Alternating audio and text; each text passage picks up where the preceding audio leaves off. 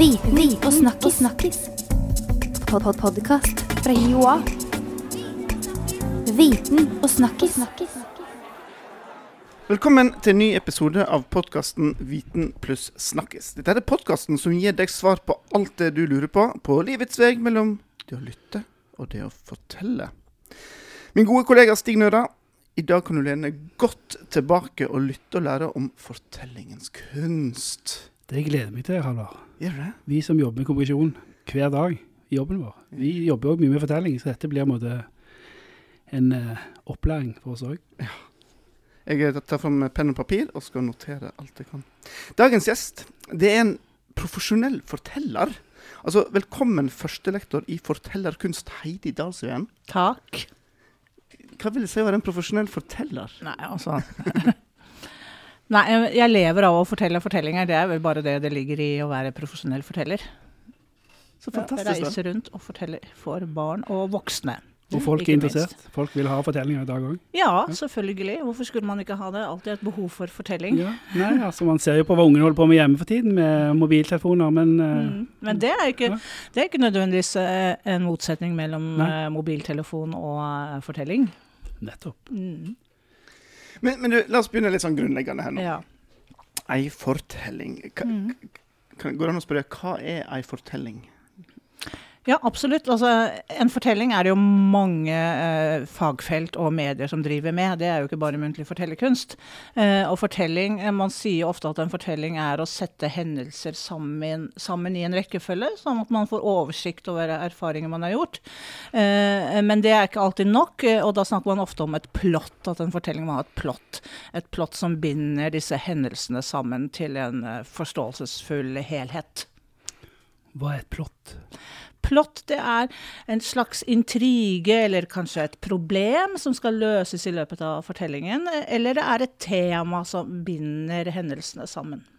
Så har vi hørt om eh, dramaturgi. Eh, er det samme Ja, det kan ha noe med det å gjøre. Et sånn typisk eksempel på hva et plott er, er eh, fra en som heter Seymour Chatman, som har skrevet en bok som er ganske stor innenfor alt som har med fortelling å gjøre. Og, og der er det en setning eh, som er følgende, og det er Kongen døde, dronningen døde. Det er ingen fortelling, fordi det mangler et plott. Det er bare to hendelser som er satt sammen. Men hvis du sier kongen døde, og dronningen døde av sorg, så har du en fortelling, og da har du et plott der. Så enkelt kan det gjøres. Ja. Men eh, hvordan ble du en forteller? Hva, hva fikk deg inn på dette sporet her? Det var eh, litt tilfeldig, eh, men når det først ble tilfeldig, så skjønte jeg at dette var jo det jeg skulle ha drevet med hele, hele livet. Eh, fordi jeg har jo vokst opp med fortelling, som mange har gjort. Vi har jo alle besteforeldre som har brukt fortellingen aktivt for å advare oss barnebarn mot f.eks. ikke å gå til brønnen, for der lever nøkken. Mm, mm. Eh, men så gikk jeg på en veldig spesiell skole på en bitte liten øy, eller bitte liten, det er på Hvaler. Det er flere øyer. Eh, og denne skolen var sånn eksperimentell, eh, med litt av hvert, eh, og blant annet rektor Rommelhoff. Oi. Og det høres jo ut som han kommer fra en Harry Potter-roman. Men rektor Rommelhoff han pleide å samle alle elevene på skolen en gang i uka, og så fortalte han Snorres kongesagaer. Og han dvelte jo spesielt ved disse brutale detaljene rundt død, da.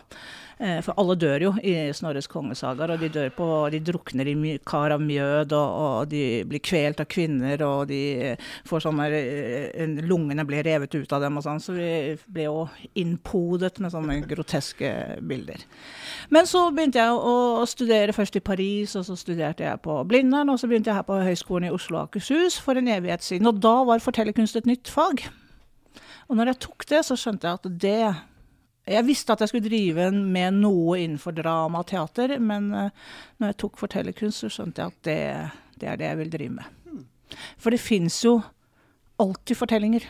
Altså Hele verden er jo full av historier som bare venter på å bli fortalt. Men du sier at eh, du forteller om dette studiet, fortellerkunststudiet, som du nå har Mhm. ansvar for på, her på HiOA. Fortell litt mer om det studiet. Hva, hva, hva går det ut på? Det er jo veldig sånn praksisnært studium. Eh, så studentene som tar det, de lærer jo da altså minneteknikker, eh, hvordan huske en fortelling, og lærer det å formidle. Og så lærer de om forskjellige typer fortellinger. Eh, og vi jobber jo bare med tradisjonelle fortellinger, ikke fortellinger skrevet av, av forfattere, men folkeeventyr, myter. Og så jobber de også med sine egne fortellinger, fortellinger fra sitt eget liv. Eh, og det er veldig populært, eh, og det har jo blitt så populært at en gruppe av studentene har gjort, gjort det til sin en levevei med, med Oslo Story Slam. Eh, og de kommer jo fra, fra studiet. Så de lærer liksom disse grepene, hvordan bygge en fortelling, hvordan finne en fortelling, hva er en fortelling, og hvordan formidle den i ulike kontekster. Spesielt da eh, rettet mot barn, unge og skolen. Spennende.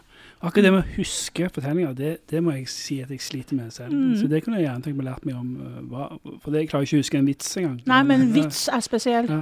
En vits er fordi den eh, Alle tror at vits er enkel å fortelle, men det er liksom fortellingens haiku-dikt, altså. Okay, ok, ok. For den er jo så stram eh, i oppbyggingen sin, eh, og poenget kommer for fort. Eh, og, og så er den jo veldig kontekstbundet. En vits fungerer jo ikke i alle sammenhenger. Den må være i en bestemt sammenheng sant, for ja. å fungere. Og ikke alle liker å vitsforteller heller. Nei. Men altså, kan du, vi skal komme inn på det, men hvordan, hvordan man, hva er med en god forteller? Eh, hvordan, hva- skal til for å bli en god forteller? Og hva er det, nøkkelen? Jeg tror ikke på talent. Altså, noen har jo talent, men det her er en øvelse. Eh, øve, øve. Spesielt eh, altså, For man kan jo snakke heller om hva er det som gjør en god fortellersituasjon. Eh, og det er å la, ha en evne til å skape et fellesskap med lytterne når man forteller. Blikkontakt, forstå lytteren, eh, eh, forstå den sosiokulturelle situasjonen man er i. Altså, det er mange elementer da, som påvirker en eh, situasjon. Men har du noen konkrete tips til hvordan klare å huske en hel fortelling? Ja, um, du skal ikke pugge den. Nei. Det må man ikke gjøre. Nei, fordi, fordi da mister man den eh, evnen til å kommunisere. eh, eh, for da blir man opptatt av hvilket ord var det som egentlig skulle komme. eh, så vi jobber jo med struktur. Vi lærer oss en struktur, altså hva er det som skjer i fortellingen. Eh, og så eh, lager vi bilder på det, indre bilder. Eh, vi prøver å se for oss hva som skjer, for det er jo det som lytteren også skal eh, forestille seg når man forteller. Skape bilder hos lytteren og, og Ja. huske bildene selv. også. Ja. Litt tilbake til disse fortellerne som du er med å utdanne. Mm. Eh, hva gjør de etter at de har tatt fortellerkunst der? Hva slags eh, type yrke eller oppdrag Mm. kan de få da?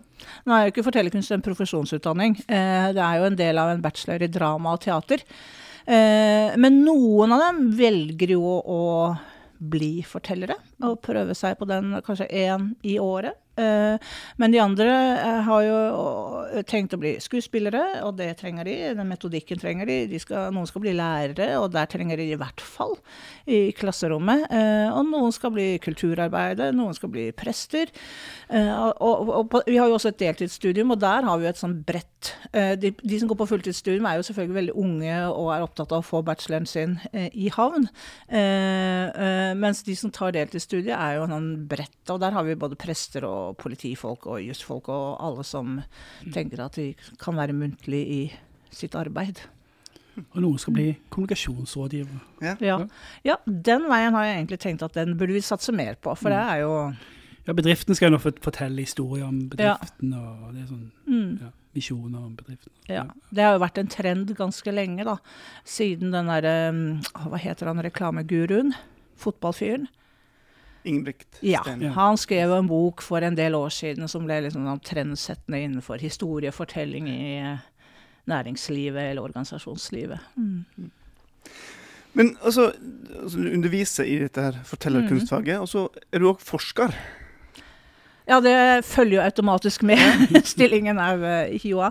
Eh, akkurat nå så har jeg drevet mye med em, Det er to, eh, to typer fortellinger. Eh, min sønn døde i fjor eh, av kreft, og, da tenkte jeg det eh, er jo så sterk følelse at det må man Og når man får en så sterk impuls, så må man si, bruke den til noe. Så jeg laget en forestilling om det å miste et barn, hvor jeg kombinerte en norrøn fortelling om Balders død.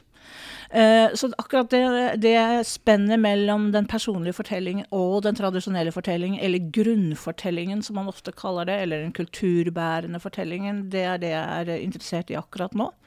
Eh, hva er det som gjør at vi forteller de fortellingene vi gjør om oss selv? Eh, og har det en sammenheng med hvilken kulturbakgrunn vi har, eller hvilke fortellinger som er de store fortellingene da, som omgir oss akkurat nå. Og, et eksempel på det er kanskje uh, metoo nå, ikke sant? hvor Ja. alle forteller sine, finner plutselig da fortellingene eh, om da de ble seksuelt trakassert, eh, og får et behov for å fortelle det. Eh, og hvorfor står, oppstår sånne fortellinger? Og de går jo i sirkel ofte. Altså at det er de forte samme forte eller strukturene da, eh, som eh, gjenbrukes etter noen år. Men dette ser vi i sosiale medier at det den får en helt ny eh, dimensjon. Eh, Hvordan tror du måtte ny teknologi og de, den type grunnfortellinger måtte utvikle seg videre? Altså, hva- Det tror jeg er en sterk sammenheng. Jeg tror at eh, Jeg tror faktisk altså For jeg jobber jo med muntlig fortellerkunst, og da tenker man ofte at sosiale medier er noe helt eh, men, men jeg er mye i sosiale medier selv, uten at jeg kan noe faglig om det. Eh, men jeg tror det er, det er litt av de samme prinsippene med den muntlige fortellingen som med de sosiale mediene. At det skriftlige større, eh, har større forskjell fra det muntlige enn det sosiale medier. Det ligner veldig det spranget i Vi tro, tror jo ofte at en fortelling er en lineær hendelse, eh, men det trenger det jo ikke å være. Eh, og, og hvis man ser på fortellinger fra før, da, eh, før vi ble et skrift, så, så hopper jo de i tid og sted osv. Og, så videre, og det ligner jo på sosiale medier. Så vi er litt tilbake til med den urformen? Det, får, Ja, det på et Ja, ja. Ja. Mm. Men det som kanskje er forskjellen forskjell nå, er jo at det er det vanlige folket som mm. kan fortelle sine fortellinger, mens eh, i Nettopp. tradisjonen så har det jo vært eh, utvalgte som har fått fortelle Ja. Det er sånn demokratisering av det å fortelle. Nå kan Ja. alle fortelle historier. Mm. Ja. Men når du er ute og skal fortelle, Mm. hva slags fortellinger er det du liker best å framføre? Um, det kommer an på uh, sammenhengen. Denne uka her så har jeg vært på skolen og fortalt. Uh, og da er det jo selvfølgelig denne tiden er det jo spøkelser som er, eh, Ja. er det store. Eh, eh, forrige uke så var jeg og fortalte for en gruppe med kvinner, eh, og da kan jeg blande personlige fortellinger og tradisjonelle fortellinger. For det finnes jo fortellinger som er beregnet på voksne også, for mange forbinder jo fortelling med noe som foregår for barn. Men i tradisjonen så, så er det ikke nødvendigvis det. Altså det er mange fortellinger som ikke er beregnet på, på barn. Ja, de, ja, for det var heftig. Altså, Folkeeventyrene var ikke ganske Jo, Og- et eksempel, hvis man tenker på folkeeventyrene og Asbjørnsen og Moe, Ja. som man ofte forbinder med folkeeventyrene i Norge, så har du en fortelling der som heter 'Kjæresten i skogen', eh, som er en brutal fortelling om eh, lemlestelse og voldtekt av kvinner. Nettopp. Eh, og den forteller du ikke til barn. Altså, eventyr er ikke for barn, Halvard. Jo, det er det også. Noen. Noen eventyr er, eh, er for barn. Men jeg, jeg lurer på ting. Står eventyret og fortell... Altså, hvordan står den blant barn i dag? Jeg tenker på med eh, kravet til tempo og Altså, de klarer ikke å konsentrere seg over Mm. noen særlig lang tid, iallfall. Hva, hva, hva er din erfaring når du forteller for barn? Eh, det- Det, er- ja, de har nok en mindre sånn eh, evne til å konsentrere seg, det har de. Eh, Så det er ikke så lett å fortelle en lang fortelling som varer i 40 minutter, det er det ikke. Men Men korte fortellinger, og gjerne fortellinger som eh, hvor de kan være med på å eh, være med på å skape fortellingen, på en måte. Eh, være med på rytmer, eller, eller komme med løsninger, eller, eller sånn. eh. Du er ikke, du ikke bekymra på tanke på framtiden? Nei, Nei, eh, men jeg mener vi må jo for guds skyld Unnskyld? Mm, mm. eh, fortsette å fortelle. Eh, men eh, spøkelsesfortellinger er aldri noe problem. Nei. Det er Ja, det er en eh, hit det, det ligger som et gen i oss at vi skal lytte til spøkelsesfortellinger, og vi skal bli redde, og vi skal bli lykkelige over at vi klarte å håndtere det å være redd. Ja, ja. Ja, jeg bare tenker på, Hvor ofte forteller du eventyr for barna dine? Halvard? Du lar dem holde på med en duppedings? Nei, nei, nei, Nei, ja, nei les. Men jeg, altså, lese fortellinger. Ja. Eh, og da, da lurer jeg på Du snakker om opptatt av den muntlige fortellingen, mm. og vi snakker om det om å huske historien. Eh, Det er lov å improvisere litt og, og Absolutt. Det det. er, helt, det er helt essensielt når du forteller å improvisere. Ja. Mm. For jeg kjenner at jeg av og til må gjøre om litt på enkelte ord og Ja, det skal du gjøre. Tilpasse. Ja. Men det gjør man automatisk. Og som, eh, også som profesjonell forteller i gåseøyne, nå lager jeg sånn gåseøyne, så, eh, så gjør man jo selvfølgelig om fortellingen. Eh, og vi gjør masse om fortellingen. Men problemet er at ungene husker så godt at hvis du har fortalt historien én gang, og så forteller en gang til, og så korrigerer det hvis du gjør noe annet. Ja. Sånn, Så det er viktig å ja, Mm. forholde seg til visse sånn. Mm. Men det du kan gjøre, er jo også, som, eh, som mange også har vokst opp med, er jo å lage en helt ny fortelling sammen med barna dine. Som går igjen. Den vil du huske for alltid. Familiefortelling. Ja. Ja, det ultimate med det spøkelsesfortellingen. Skap, skap en karakter som bor i skapet, eller Ja, Nifs spøkelse i skapet. Det- ja, Nå er han bare inne på Han er halloween-stemning. Spennende. Du, Heidi, dette er veldig spennende å høre om. Mm Eh, veldig kjekt å ha en profesjonell forteller eh, med oss. Og jeg kjenner vel på Stig og jeg har mye å lære her. Ja, det er sjelden vi treffer på de profesjonelle fortellerne. Vi, vi gjør oss vårt beste hjemme på sengekanten med ungene, men eh, profesjonelle er vi vel ikke. Jo, i Men, men du, Heidi, er det, Mhm. er det lov å spørre om går, går du rundt og har en fortelling på lager? Altså, Ja, altså det blir jo når man har, har jobbet med dette i over i 20 år, så man har jo en, et hode full av uh, Så hver gang du, tre når du treffer en kjent, har du en fortelling, eller du har ikke? Nei, Nei, det gjør jeg ikke. Um, uh, og, og dere, er ikke sant, I familieliv og sånt nå, så har man jo sine faste roller. eh, Ja. Og det er ikke sånn at jeg er fortelleren i familien, det er Nei. søsteren min. Oh, ja, uh, men hun fòrer jo meg med historier som jeg kan bruke videre, selvfølgelig. Ah. Så det er viktig å kunne lytte også, som, Som forteller, Ja. iallfall lære historie. Ja, for å hente, finne nye fortellinger. Ja. Så bra. Men du, kan, kan vi få lov til å spørre, kan du avslutte denne episoden med en fortelling Ja. for oss? Det kan jeg gjøre. En, ah. jeg skal ikke ta en halloween-fortelling. Ok, Mm. vi sparer de. Ja, eh, men jeg kan fortelle om da verden ble skapt. Oi. For lenge, lenge siden eh, så ble jo verden skapt. Og da, på den tiden, så hadde alle dyrene samlet seg i skogen. For dyrene hadde fått høre at en ny skapning skulle skapes. En skapning som skulle på en måte stå over dem i alt og ett. Og dyrene satt der og diskuterte denne nye skapningen, kalt menneske, som skulle bli skapt. Og dyrene begynte å skryte av seg selv og hvilke egenskaper de hadde som mennesket sannsynligvis ville beundre eller misunne dem for. Hesten sa at mennesket kommer til å beundre meg når jeg galopperer bortover heiene og har en lang, flagrende man henge etter meg. Og elefanten sa men mennesket kommer til å beundre min styrke. Og elefanten sa mennesket kommer til å beundre min størrelse og storhet. Slik holdt de på og skrøt. Mens de holdt på, så hørte de en liten tynn stemme som sa jeg har også noe som mennesket skulle ønske de hadde. Hvem var det det som sa det, sa dyrene og så seg omkring. Og der nede blant dem, der så de en liten snegle. Æsj, sa dyrene. Du ekle, lille, stygge, slimete ting, hva er det du har da som mennesket skulle ønske de hadde? Og sneglen trakk seg inn i sneglehuset, men så stakk den hodet forsiktig ut igjen, og så så den på dyrene, og så sa den det jeg har som mennesket skulle ønske de hadde, det er tid. Det var noe å ta med seg i dag. Absolutt. Tusen, tusen takk, Heidi. Takk, det samme. Og eh, tusen takk til deg som hørte på. Ta med deg den fortellingen videre inn i helga. Så ses vi igjen. Bye, bye.